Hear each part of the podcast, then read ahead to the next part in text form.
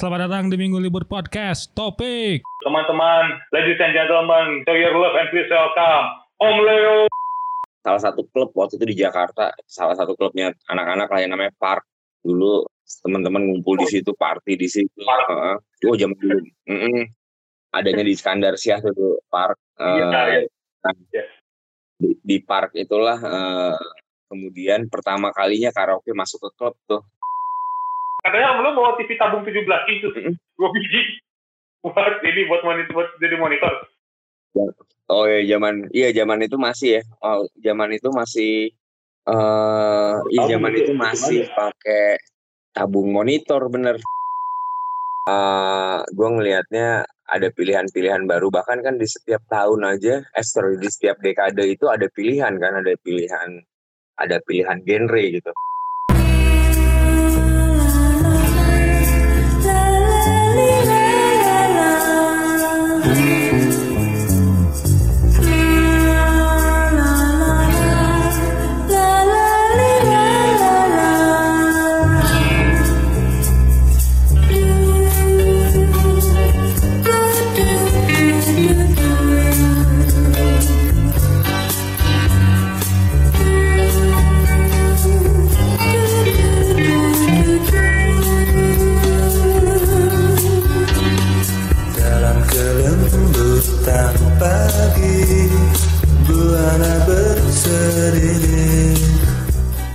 Teman-teman semuanya, selamat datang di Minggu Libur Podcast Topik. Eh, jadi hari ini eh, saya akan mewawancara satu figur yang menurut saya orang ini adalah orang yang sangat lucu, sangat lucu karena semuanya di sangat lucu karena saya suka menonton acaranya beliau di YouTube bersama dua teman lainnya dan orang ini juga bukan hanya eh, apa namanya dimasuk di situ tapi orang ini juga eh, pemandu karaoke iya. Seniman juga iya. Apalagi? Banyak lah pokoknya beliau ini pokoknya banyak sekali eh, apa namanya susah mengejawatakan banyak sekali profesi yang diambil. Teman-teman ladies and gentlemen show your love and please welcome Om Leo. Halo, Om Leo sehat Om Leo terbaik sehat selalu. akhirnya akhirnya loh saya bisa Hmm. bisa apa namanya ada apa namanya satu eh, tamu yang agak cukup ini ya agak cukup terkenal ya. Thank you loh om. Thank you para om. Sama sama-sama. wah bener-bener deh. Eh terus pengen ngobrolin apa ya? Sebenarnya pengen nanya dulu nih ke om Leo eh, kabar gue pengen nanya dulu seminggu kemarin mendengarkan musik apa om Seminggu kemarin dengerin apa ya? Eh beberapa gue dengerin meronanya Fleur. Oh, Eh gue dengerin yang baru-baru apa ya? Eh enggak paling Merona Fleur udah itu gue denger sempat dengerin juga. Apalagi ya? Seminggu Jadi, terakhir ya. Seminggu terakhir. paling ini sih, playlist playlist playlist dari playlist dari lagu-lagu biasa gue yang gue punya di platform-platform audio. Karena sekalian dengerin eh Moloko gue dengerin Moloko lagi. Oh gitu? Eh Oh. eh, band-band ya 90s lah band-band 90s band-band 2000-an yang lumayan ada apa ya lumayan lah. Kata Tonia juga lagi dengerin kemarin. Beberapa di- lumayan. Fusion ya, bener bener. Oke oke oke. Dan sebenarnya kesibukan Om Leo kemarin katanya baru ke baru apa baru balik dari Madiun ya katanya. dari balik dari Nganjuk ya Nganjuk. Lanjut.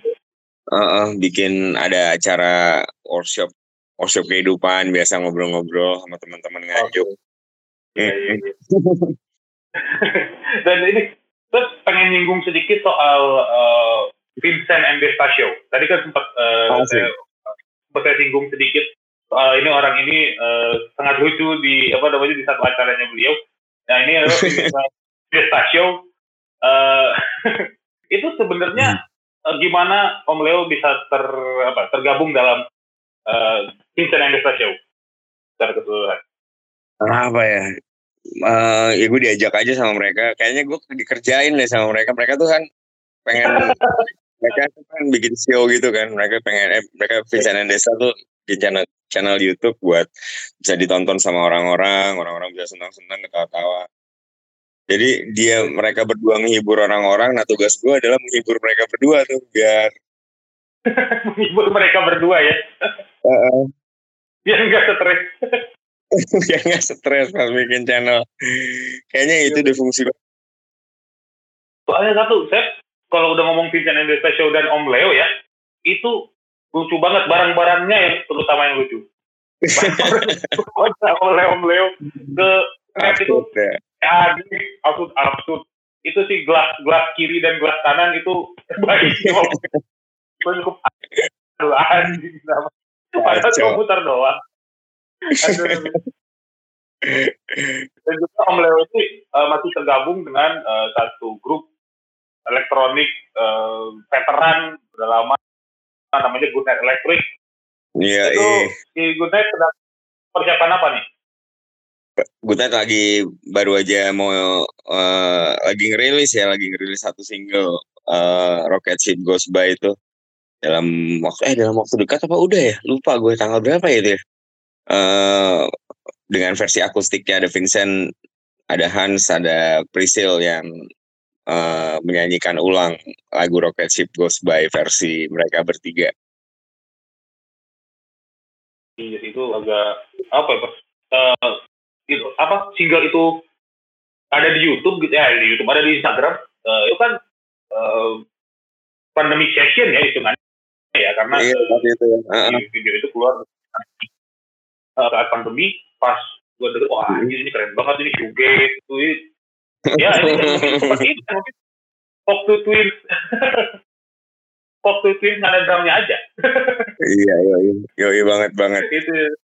Tapi merasa kalau saya sebagai, sebagai pendengar guna guna ya mer- merasa album Misteria itu kayak campuran di Face Mode dark dark era ya dark era sama uh, Pop to Twins Om iya. kan. Iya sih ada ada ada koneksi baru banget sih Pres ya. Kita belum pernah ada format seperti ini sebelumnya di Good Night Electric. Jadi eh, format yang ini lumayan cukup cukup membingungkan mungkin buat segmentasi pasar Good Night Electric yang lama tapi mungkin lebih relate ke teman-teman yang baru ya yang baru mungkin baru mendengarkan Good Night Electric. Kita nggak bisa nggak bisa pukul rata bahwa segmentasinya segmentasi yang lampau terus-terusan gitu. Kita coba ngejust menjadi eh, menjadi lebih eh lebih apa ya lebih global lah orang-orang bisa dengerin dan kayaknya opsi yang album eh, Misteria ini eh semoga bisa sampai gitu ya pesan message dan juga eh apa gaung dari Butat Electric yang formasi baru. Iya, itu formasi barunya agak cukup mengerikan sih memang. Tiba-tiba ada Vincent Rompis di bass, ya, ada Priscilla Jamail juga di vokal latar wanita. Ya, juga iya, ada Heeh. lagi lagu. Wah, pas gue lihat tuh, ah ini kenapa gue Electric jadi berenam gitu kan? Saya tahu aja eh, bertiga gitu ya dari zaman eh, apa namanya? Lo zaman dulu. Jadi zaman dulu lah pokoknya tuh. Pas ngedengerin. Oh itu kan lagi happy happy tuh interval terus ngedengerin eh, Iya iya iya. MI robot terus yang lain-lain gitu tiba-tiba Misteria nongol ya ah, dia kata gue kenapa jadi dark gini ya gitu kan langsung lagunya gitu kan. Semuanya bahasa Indonesia spesialnya ada itu semua bahasa Indonesia dan tiba-tiba lagunya kayak gitu saksikan akhir dunia denganku. Wah kenapa jadi Iya. sad gini ya? Cat Foundation kayaknya lagi pengen bersuge-sugesan tuh kayaknya Good Night Electric. Terus gue gitu lagi juga kita. Heeh. Ini balik ke balik ke, ke Vincent and Desta gitu ya. Eh, itu ya show yang menurut gua sangat-sangat sangat-sangat nonton setiap itu rilis di setiap hari apa sih? Om sebenarnya gitu ya kan karena ada tiga fase. Eh, biasanya sih syuting setiap minggu ya. Tiap minggu Minggu. syuting. Nah, tapi eh, mungkin ada beberapa stok yang akhirnya di, dilempar eh dicari waktu waktu yang tepat gitu untuk diupload diupload atau di streaming kan Iya, iya. ya itu jadi tanggal ini tanggal asal-asalannya saya anak-anaknya anak-anak aja sih sebenarnya. Soalnya satu, saya pas lihat yang baru tuh yang Boril, itu kayaknya Ah. video itu kayaknya video lama karena rambut Om Leo masih hitam.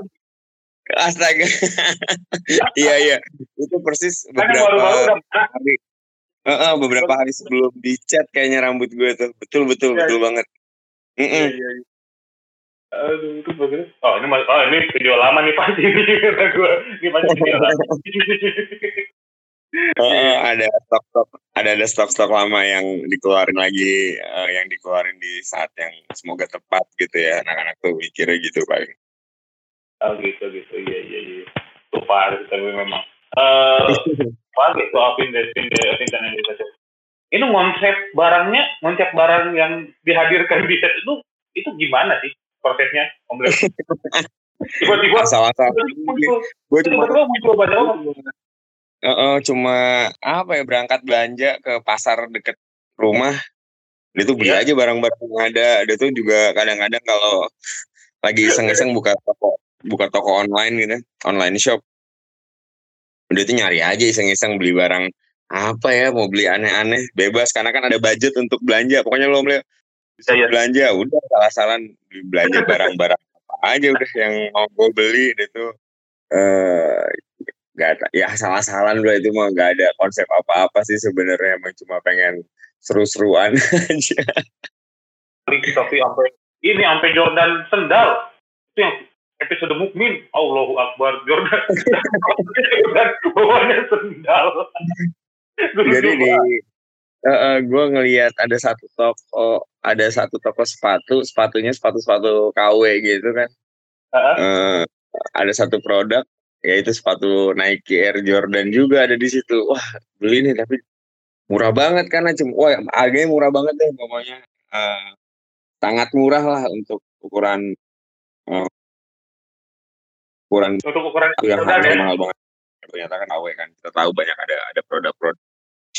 Uh, uh, dia tuh ya udah kita kerja nih sepatu ini nih. Udah tuh diacak-acak deh sama sama gue bor gitu. Gue gue gunting pinggirnya dia tuh gue bor gue ganti sendal bawahnya. Jordan kawin di bor hanya di Vincent and Stasio loh itu. Beliau terus bikin Jordan sendal di bor aduh parah banget parah sih lu. Umur umur umur umur rasa pacaran aja lah Saya- saya- itu kayaknya seinget gue sih umur yang eh, umur yang ya udah eh sejalannya out mikir aja mungkin apa gitu kan akhirnya dibikin konsep secara konsep konteks sih emang kayak gitu iseng-iseng iseng-iseng aja semuanya iya iya iya itu tuh cukup buset ini wah itu cukup mengotok perut asli. Gue gue sangat sangat senang sekali ketika menonton parah itu amin amin. Makasih makasih Pak. yes berarti berarti ya dan progresnya mereka emang lumayan sih. Itu lumayan beda sih emang acara yang ngaco banget sih. Ngaco-ngacoan deh itu mereka bebas mau ngapain aja. Ya itu kayak Mm-mm. ini om Blake. ya apa konsepnya seperti MTV Bujang zaman mereka dulu gitu iya betul. Eh, kayaknya eh, kecenderungannya sih itu mereka pengen yang dulu kan juga masih normatif ya sekarang kayaknya udah nggak ada normanya sama sekali gitu. Udah hilang tuh gue Desta ngomong bangsa, Vincent ngomong anjing tuh udah. iya ngomong jorok. kan? Ya orang yang orang yang pernah ya mungkin orang yang akan cukup mengagetkan buat orang yang belum eh yang belum terbiasa kali ya tapi Hmm. ya Aduh, kita tahu kan ya maksudnya yang terbiasa ngelihat Vincent Desta eh, tetap jaga koridor inilah ya koridor sopan Ya. santun tapi itu kayaknya udah nggak ada sopan santunnya gitu acara itu udah udah segimana anak-anak aja lah pokoknya itu ya. iya sepakat udah sengaco-ngaconya aja deh Nah, kita pindah bahasan ke ini Om. Kita pindah bahasan ke Om Leo berkaraoke. Nah. Kita ngomongin sedikit. Kita ngomongin sedikit nih Om Leo berkaraoke itu mulai dari kapan Om? Siap. Start Om eh, start ada bawa Om mulai Om Leo berkaraoke. kalau untuk eh, kalau untuk eh, programnya program berkaraoke gitu gue inget banget dulu gue pernah awal banget bikin itu tahun 2003 di salah satu opening pameran di ruang rupa tuh Oh, itu kayaknya dulu. paling Heeh, dulu ada opening pameran dan kebetulan anak-anak eh, anak-anak itu eh, anak-anak iseng gitu kan ngapain nih eh opening pameran ngeband lagi ngeband lagi bosen-bosen eh kita karaokean aja karaoke akhirnya bikin program karaoke gitu dan kebetulan gue lumayan rutin zaman itu ngumpulin karaoke lagu-lagu karaoke yang dari MIDI tuh Ah, Eh, iya, iya. Itu kali ya awal itu awalnya tuh ya itu sekitar tahun 2003 gue inget banget pertama kali eh pertama kali akhirnya ada program karaoke di di apa eh di Ruru ruang rupa waktu itu. Dan kemudian iya. akhirnya tahun eh, tahun 2004 awal salah satu klub waktu itu di Jakarta salah satu klubnya anak-anak lah yang namanya Park. Dulu teman-teman ngumpul di situ party di situ. Heeh. oh jam dulu Mm-mm. adanya di Skandar Siah tuh Park Eh, iya. nah, Iya. di, di Park itulah eh, kemudian pertama kalinya karaoke masuk ke klub tuh Itu tahun berapa, Om? Si 2000. karaoke masuk. Eh, 2004 awal ya itu kalau nggak salah sekitar bulan Oke. Februari kalau salah Februari Oh. 2004 Mm-mm. Waduh. Sekarang si Om Lo berkaraoke eh, rasanya wah tuh banyak banget lagi panggungnya sengari itu berkaraoke. Iya.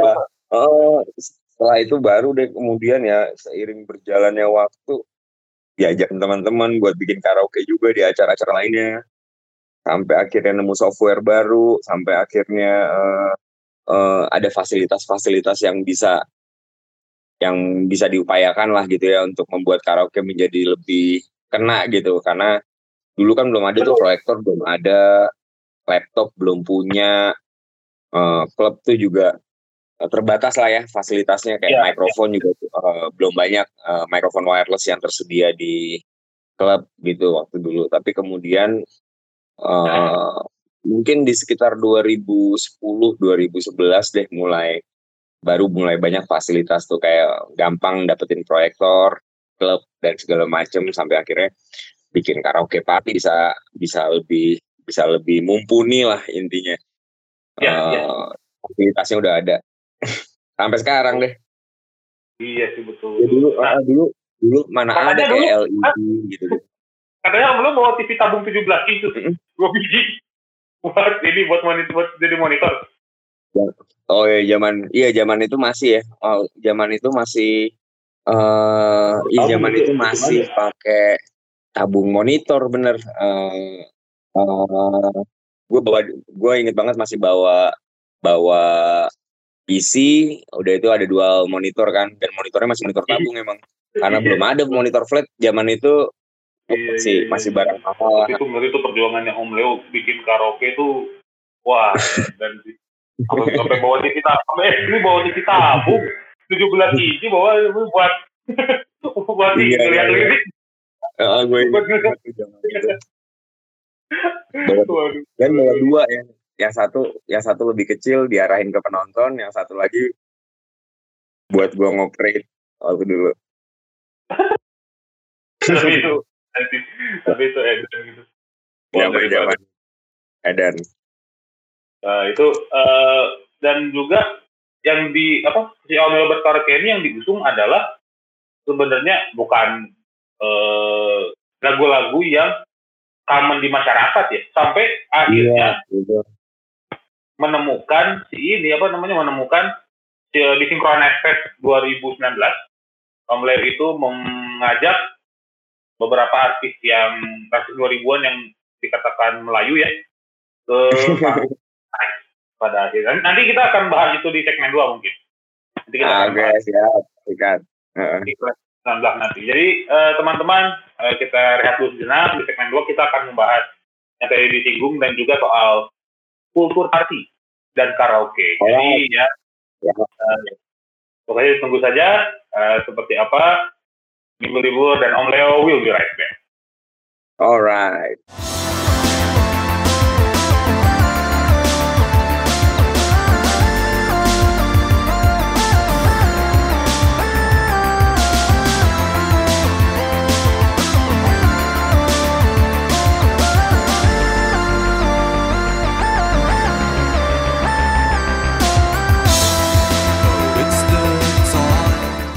Iya, segmen kedua di Minggu Libur Podcast Topik bersama Om Leo, teman-teman.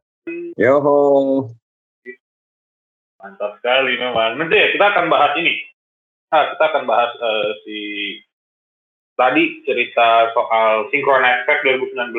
Am- akhirnya eh, Om Leo menggait beberapa musisi untuk eh, musisi Melayu ya di tahun 2000-an itu Ya. bergabung di 2019. Itu ceritanya bagaimana Om? Itu kalau itu awalnya memang idenya teman-teman sinkronis ya. Ada Ucup juga yang waktu itu eh, ajakin Om Leo kita eh, ada Om Leo berkaraoke nih, gue pengen naruh Om Leo di panggung gede nih. Tapi jangan lu sendirian.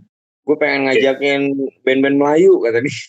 Ya udah akhirnya ketemu lah dengan band-band Melayu tersebut untuk akhirnya kita berkaraoke bareng gitu di atas stage yang konsepnya juga belum pernah diketahuin sama mereka juga karena si siapa band-band Wali Raja eh, ada Setia Band waktu itu ada juga Kangen Band ya eh, yang yang waktu itu juga bingung nih ngapain karaoke kayak gimana sih? Sebenarnya akhirnya ketika di ketika dilaksanakan ya seperti itulah dan nggak nyangka ternyata penonton antusiasnya juga gila-gilaan. Iya Eh, malah jadi ini. Malah jadi guilty pleasure anak Jakarta sekarang gitu bahwa mendengarkan musik-musik Melayu. Itu tuh. iya iya Rasa nggak? Ya mungkin eh eh, oh, itu cuma trigger aja sih mungkin orang kangen kangen sama suasana-suasana yang dulunya cukup menyebalkan gitu. Dan itu pembuktian juga bahwa dunia saat ini lagi stuck ya. Orang harus kembali ke harus balik ke masa lalu gitu karena Ya, iya. karena eh, mungkin yang sekarang nggak bisa ngasih sesuatu yang bisa apa ya maksudnya yang bisa yang bisa ngedobrak gitu ya ada dobrakan baru di dunia musik misalnya yang akhirnya bisa nge-refresh ulang tentang tentang hal-hal fenomena-fenomena baru di dunia musik khususnya ya jadinya ketika nggak ada ya udah orang balik lagi ke balik lagi ke apa ya materi-materi lama di era-era lampau sebelumnya gitu kayaknya yang gue lihat sih fenomenanya seperti itu sekarang Ah, itu juga sama, sama- halnya dengan eh, Discordia Selecta membawa Discord tahun 80-70-an gitu ya. Dan juga sepakat. eh, betul betul yang membawa Benar, benar. 80 gitu. benar benar benar Mungkin ya mungkin Ucu Pop dan Om Leo gitu ya. Itu yang membawa 2000-annya mungkin. Jadi ada Ah, pasien iya. yang tinggi tuh. Iya, sih yang kayak. Mm-mm, betul. Nah, sebenarnya gue mau nanya nih om, Eh, Yup. kalau lagu nih ya, lagu di karaoke, lagu di Yup. karaoke yang sering diminta sama orang-orang banyak itu apa? Paling yang paling standar sih lagu-lagu yang singelong ya. Yang lagu-lagu yang benar-benar mereka juga tahu lagunya juga lagunya juga segala zaman gitu.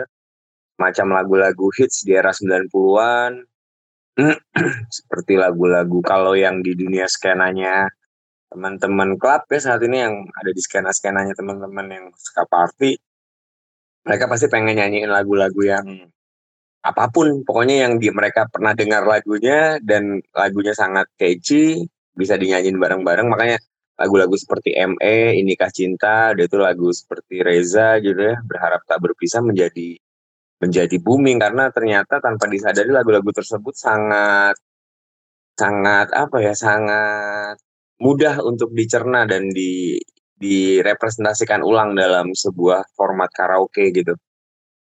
Iya sih, iya iya. iya. Tapi sebenarnya eh, capek gak sih om Leo? Meng apa namanya menghandle requestan requestan tersebut? requestan requestan lagu enggak sih. Selama semua seneng gue juga seneng gitu. Jadi kayak orang lain senang gue juga senang jadi nggak peduli juga. Harus muterin lagu yang itu itu aja. Gue ketika kita masuk ke dunia hiburan sebenarnya kan kondisinya seperti itu. Eh, yang gue rasakan adalah eh, kita udah kayak jadi milik publik gitu bro Iya, iya. Eh, maksud gue milik publik adalah eh, sebagai penghibur ya lu siap untuk meng- untuk menghibur orang-orang bukan bukan Ah. menghibur diri sendiri gitu. Eh ya kita jelas-jelas sudah paham banget lah bahwa ketika kita menghibur orang pun kita harusnya udah bisa menghibur diri kita sendiri karena eh, tadinya hiburan buat kita tapi ternyata bisa bisa menghibur orang lain juga gitu kan. Jadi eh konteksnya adalah kalau menurut gua eh, ketika kita melayani publik gitu ya itu emang dibuang jauh-jauh sih perasaan bosen, perasaan aduh sebel nih dengerin orang request lagu ini lagi, ini lagi gitu. Gue rasa Iya, itu udah iya, dibuang jauh-jauh. Udah dibuang jauh-jauh gitu karena ya lu udah udah tugas lu menghibur orang gitu. Eh lu bahkan secara rewards pun secara ekonomi ketika lu dibayar manggung ya udah tugas lu menghibur orang lu harus nurut dengan apa pun yang ada di sana walaupun punya idealis tapi idealisnya mungkin ada di belakang akhirnya karena yang idealnya eh, penonton harus senang semua harus senang dan segala macam itu sih yang cukup cukup berbeda gitu kalau menurut gue Ah, iya, iya, iya, iya, iya. iya. Wah, ngeri juga sih ngomongnya. Tapi nih, kalau eh, gue nanya ke Om Leo, eh, ya ih lagu yang eh, lagu favoritnya Om Leo yang wah ini sebenarnya bisa nih masuk karaoke gitu. tapi eh, dan dan tidak banyak orang yang tahu dan tidak singelong Ma- Om Leo akan masukin lagu apa oke gue gue sering banget masukin lagu-lagu klasik pop ya era-eranya 70-an 80-an gitu seperti Hmm. lagunya Billy Joel apa Billy Billy Joel eh, lagu-lagu pop eranya misalnya Carpenters, Michael Jackson di tahun 70-an seperti Jackson 5 gitu gue suka tuh nyanyiin lagu Oh. tersebut kan lumayan eh lumayan seru eh, apa namanya lagu-lagunya eh, enak gitu dibuat nyanyi tapi ya mungkin nggak sesuai sama nggak sesuai dengan ekspektasinya publik gitu kan biasanya Iya, gue iya. ngelakuin itu cuma buat cuma buat sound check cuma cuma buat apa ya pemanasan gitu ya. Tapi selanjutnya nanti ketika penonton udah terlibat ya udah otomatis gue harus gue harus memfasilitasi mereka untuk bisa nyanyi bareng. Satu, satu lagu ya favorit gue ini mungkin gue sama kayak Om Leo mungkin suaranya. Ini sih dalam kelembutan paginya almarhum Joki itu. Iyalah. Gila memang. Kalau dimasukin ke karaoke itu itu edan also iya iya iya, iya. Teman-teman sama gue old soul sama sama kayak Om Leo lah gue gue old soul Iya. gue old soul gue teman-teman old soul gitu memang Eh, eh, kalau enggak apa masukin Blur yang di Universal ya gue lumayan sering tuh kalau tapi emang kadang-kadang kan eh, event karaoke gue tuh emang banyak segmentasinya lah ya. Nggak nggak Ya. melulu cuma nggak melulu cuma eh, kalayak luas yang ada di eh, yang ada di klub-klub eh, ternama gitu kan. Kadang-kadang gue juga bikin eh, event-event niche dalam artian teman-teman yang datang eh, teman-teman yang datang ya emang segmentasi pasarnya beda gitu. Yang teman-teman yang nis lah ya yang nis nah itu kan kadang-kadang eh, mereka punya mereka punya selera yang mungkin sama sama Om Leo. Seleranya selera-selera yang yang tadi andaikan old soul ya old soul andaikan dia harus Britpop misalnya Britpop night atau teman-teman ini sangat suka lagu-lagu klasik dan klasik dance gitu misalnya Mhm. atau eh, retro dance gitu klasik Iya, disco misalnya. Eh, ya dia bisa dia bisa tinggal tinggal nyesuain karena semua lagu koleksi lagu Om lumayan banyak lah ya jadi bisa bisa muterin lagu apa aja yang mereka mau gitu. Dan kebetulan tinggal nyesuain segmentasi pasarnya. Bahkan kalau misalnya harus dangdut pun gue juga akan menyiapkan playlist dangdut gitu untuk mereka. Iya iya iya. Nah, nih sebenarnya kalau kata Om Leo nih, ya, menurut Om Leo nih, Yap. eh, karaoke tuh jadi ini nggak? Jadi sebuah eh, alternatif pengisi pesta? Eh, kayak budaya baru sebenarnya. Ya Ah, baru dibandingkan dengan eh, DJ-DJ yang lain. Betul sih, kalau gue ngelihatnya sebenarnya ada, ada fenomena baru ketika orang-orang mulai jenuh sebenarnya dengan dunia pola dunia hiburan yang ada sekarang. Eh, ini Iya, iya. kan juga ini kan salah satu pelarian ya, salah satu bentuk pelarian aja karena eh, mungkin budaya ini dulu ada ya memang sudah ada dari zaman dulu tapi kan kayaknya baru mungkin baru booming di 10 tahun terakhir lah ya. Eh, Iya, iya. kalau gue pikir itu penanda bahwa mungkin orang-orang jenuh dengan dengan fenomena yang ada di sebelum-sebelumnya atau yang di sekarang gitu. Jadi sehingga mereka mencoba cari pola hiburan baru dan kebetulan aja karaoke bisa bisa bisa masuk ke sana gitu. Iya, iya. Itu ya sebanyak juga sih di set di set yang eh gue tadi gue sebutkan eh, Disco Pantera juga itu hitungannya juga Iya, Disco, iya, Disco Ria Selecta terus eh, dua anak Iya, dari Flow Flow juga itu jadi mungkin ya itu yang jadi bergeser eh jadi gaya baru ya hitungannya ya. Betul, betul. Mereka eh ya itu tiba-tiba beberapa teman bisa menangkap menangkap fenomena itu untuk kemudian eh, mencoba memberikan alternatif hiburan yang baru ya. Semenarik itu sih kalau gue pikir teman-teman eh, berinisiatif sekarang untuk mencipta mencipta opsi ya, opsi untuk bersenang-senang. Dan ketika misalnya andaikan itu harus karaoke, andaikan itu harus memutarkan lagu-lagu era 90s atau bahkan era-era klasik diskonya di eh, disco Ria, ya udah tinggal atau bahkan Phil Koplo gitu misalnya, band yang bawakan lagu-lagu yang sangat norak mungkin tapi kemudian bisa di bisa di apa ya, bisa di bisa dihadirkan dengan cara yang berbeda gitu. Mungkin itu yang menarik kalau gue pikir. Gitu ya. Eh, apa namanya ya ada dan stylenya juga beda-beda gitu loh. Ya, sesuai Sepakat, dengan sepakat. sesuai dengan fase yang gua tadi omongin gitu ada 70 80 80 90 dan 2000-an terus ada alternatif lagi remix koplo gitu macam film Iya. koplo dan dan perontakan juga gitu gua lupa nyebut Benar, Eh, benar. itu shout out untuk mereka tuh perontakan tuh gila-gila ya orang. Banget Iya, dan itu sepakat bro. Jadi gue ngelihatnya eh gue ngelihatnya ada pilihan-pilihan baru. Bahkan kan di setiap tahun aja eh sorry di setiap dekade itu ada pilihan kan ada pilihan ada pilihan genre gitu. Kayak ada yang milih techno ada yang milih disco ada yang milih electronic pop ada yang milih eh ada yang milih R&B hip Gitu ya hop kan? dan segala macam jadi di dalam satu dekade pun kadang-kadang ada pilihan-pilihan yang juga eh, menarik untuk dibahas Ah, iya. nggak cuma melulu nggak cuma melulu satu apa ya satu segmentasi satu segmentasi lagu aja tapi bisa bisa bisa macem-macem gitu outputnya Iya. Gitu. Nah, terus Om Lo, Om ngerasa nggak bahwa ada pergeseran cool gara-gara karaoke? Ada Wah, pergeseran geser- apa? Berge- bergeseran kultur pesta gitu. Wah oh kultur nih. pesta. Ini iya kalau gue pikir itu agak-agak dulu kan. Ini. Iya iya iya iya. Ya, itu kayak gimana om? Gimana om? Ada yang Ya, geser nggak sebenarnya? Kalau kalau dari fenomenanya, gue lihat bukan bergeser sih ya. Karena kalau bergeser tuh biasanya mencari alternatif yang beda sama sekali gitu. Tapi semua polanya kan sebenarnya sama aja nge-DJ, karaoke pun juga sudah pernah berlangsung sebelumnya. Tapi mungkin kondisinya yang berbeda. Siapa yang nyangka sekarang nge-DJ bisa ngebawain lagu-lagu yang norak gitu. Atau misalnya eh, bahkan nge-DJ bisa bawain lagu-lagu Indonesia lama sebelumnya kan DJ budaya DJ ya benar-benar sebagai sebuah eh, pengiring zaman kan dalam artian pasti baru fresh.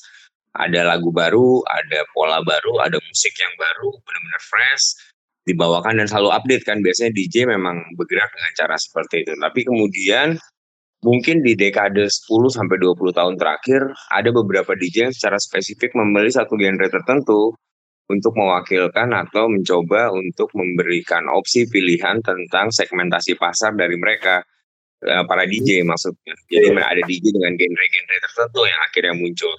Zaman dulu nggak pernah tuh ada ada keterangan dalam kurung seorang DJ akan membawakan lagu apa.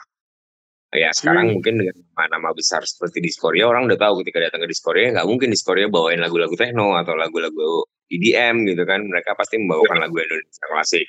Om Leo berkaraoke, Om Leo pasti udah udah tentu membawakan lagu-lagu yang bisa dinyanyiin bareng-bareng sama orang-orang.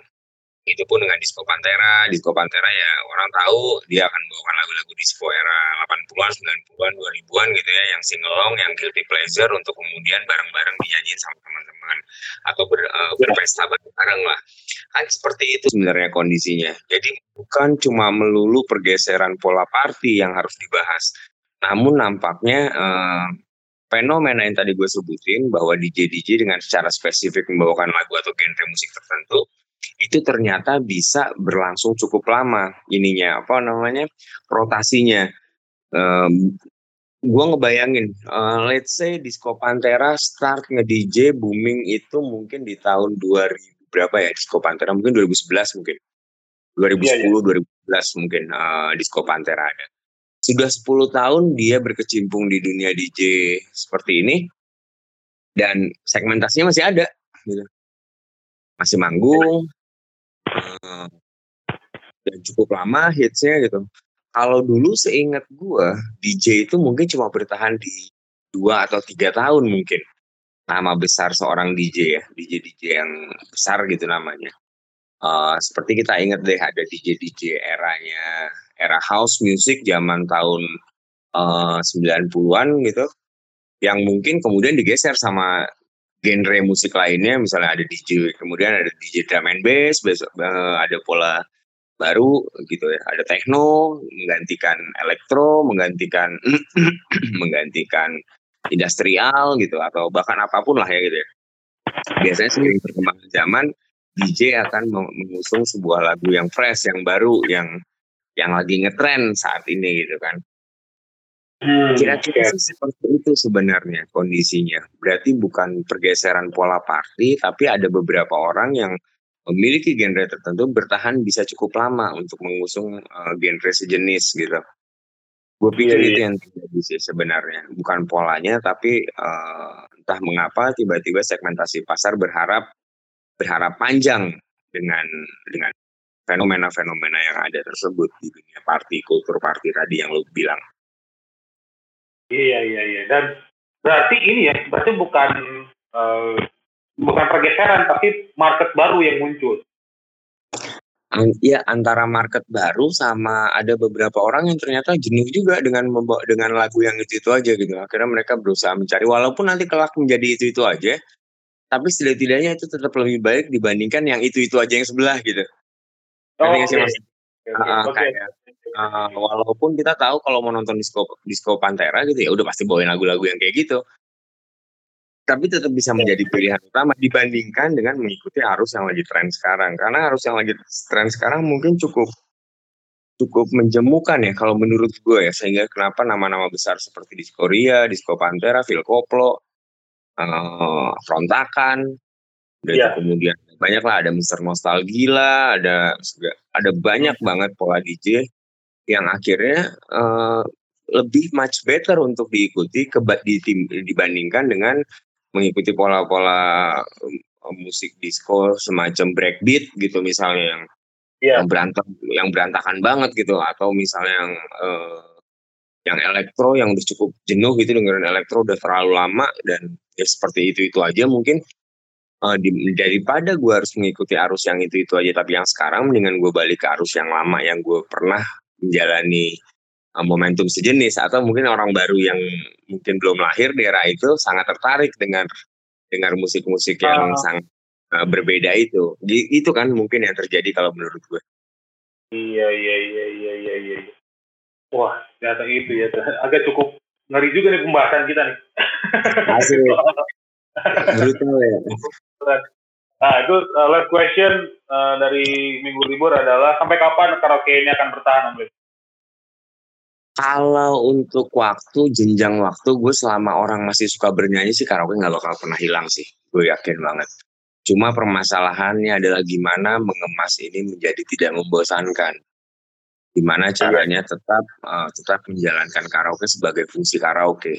Dalam artian eh, kalau yang gue bisa lihat dari fenomena yang ada sekarang, berarti para penonton itu ternyata memiliki intuitif atau ketertarikan untuk memanage ini menjadi sebuah pergerakan yang cukup apa ya cukup baik gitu kan maksudnya nggak cuma melulu bahwa eh, kalau ngomongin tren ya saat ini lagi ngetren karaoke. Tapi kalau ternyata memang setiap orang masih suka bernyanyi gue pikir ya karaoke akan ada terus.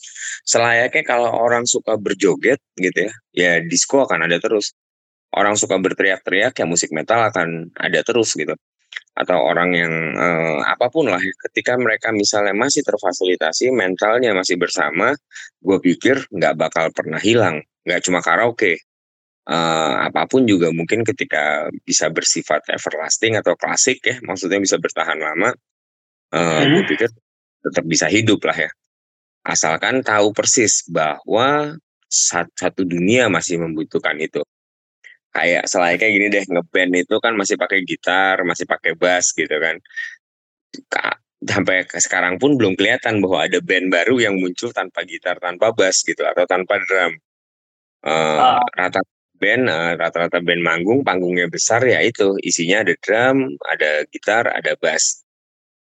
Belum bisa digantikan sama lainnya. Padahal kan kita tahu sebelum masa ada gitar ada bass ada gi- gitar listrik ada bass listrik ya orang mungkin manggungnya orkestra mungkin.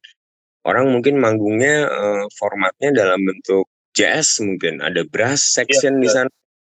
Ada alat musik gesek ada alat musik tiup ada alat musik pukul yang dalam bentuk misalnya eh apa ya ya macam-macam lah gendang dan segala macam ada gamelan gitu. Kemudian bergeser jadi alat musik yang sekarang. Jadi fenomena manggung eh, pun juga gitu kan.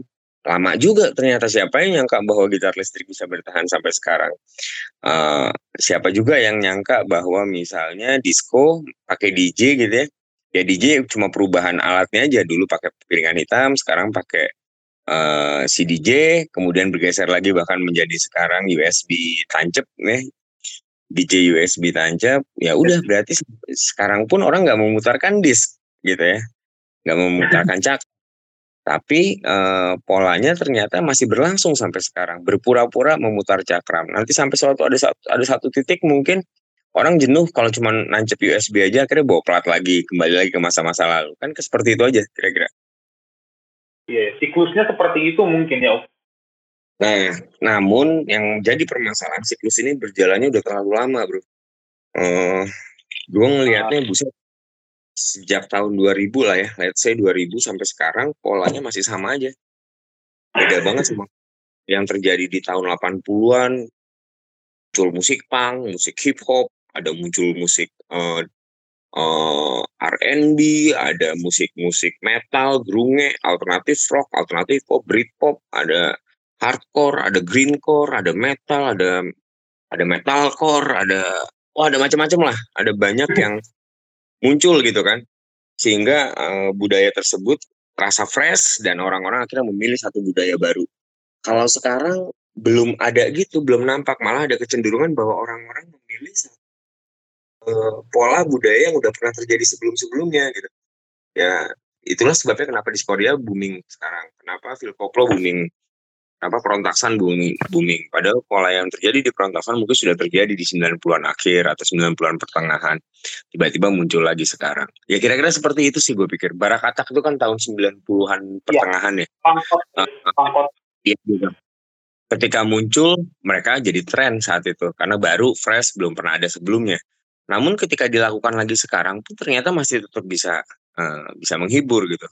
Namun Iya. kalau diambil garis panjang, gila ini nggak boleh sebenarnya terjadi. Berarti dunia lagi stuck gitu kan, nggak ada karya baru, nggak ada pola baru, nggak ada originalitas baru mungkin ya bisa bisa bisa muncul dan ya udah kita akhirnya hidup dengan kondisi seperti itulah menurut gue. Dan kalau balik lagi ke pertanyaan karaoke bisa bertahan lama, sama halnya seperti barakatak, selama orang masih suka geleng-gelengin kepala, suka teriak-teriak, suka joget-joget, maka, suka maka iya misalnya, dan uh, seperti itulah, ya akan ada lagi, akan ada terus berarti musik.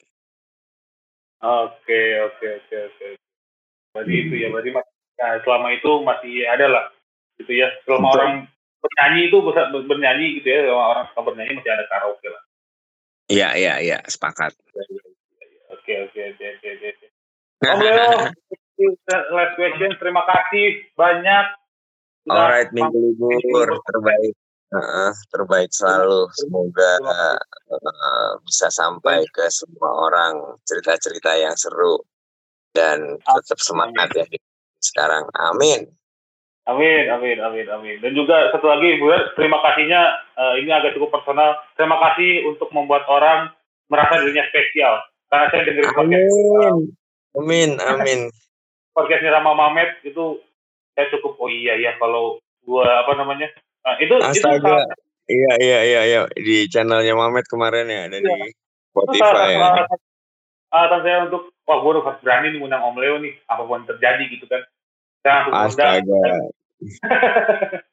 Thank you, thank you, thank you, bro. Terima kasih banget pokoknya Om Leo telah mampir ke Podcast. Amin, amin. Thank you banget minggu libur. Sampai ketemu. Salam buat semua teman-teman. Semoga teman-teman iya. tetap terbaik lah ya pokoknya buat semuanya. Amin.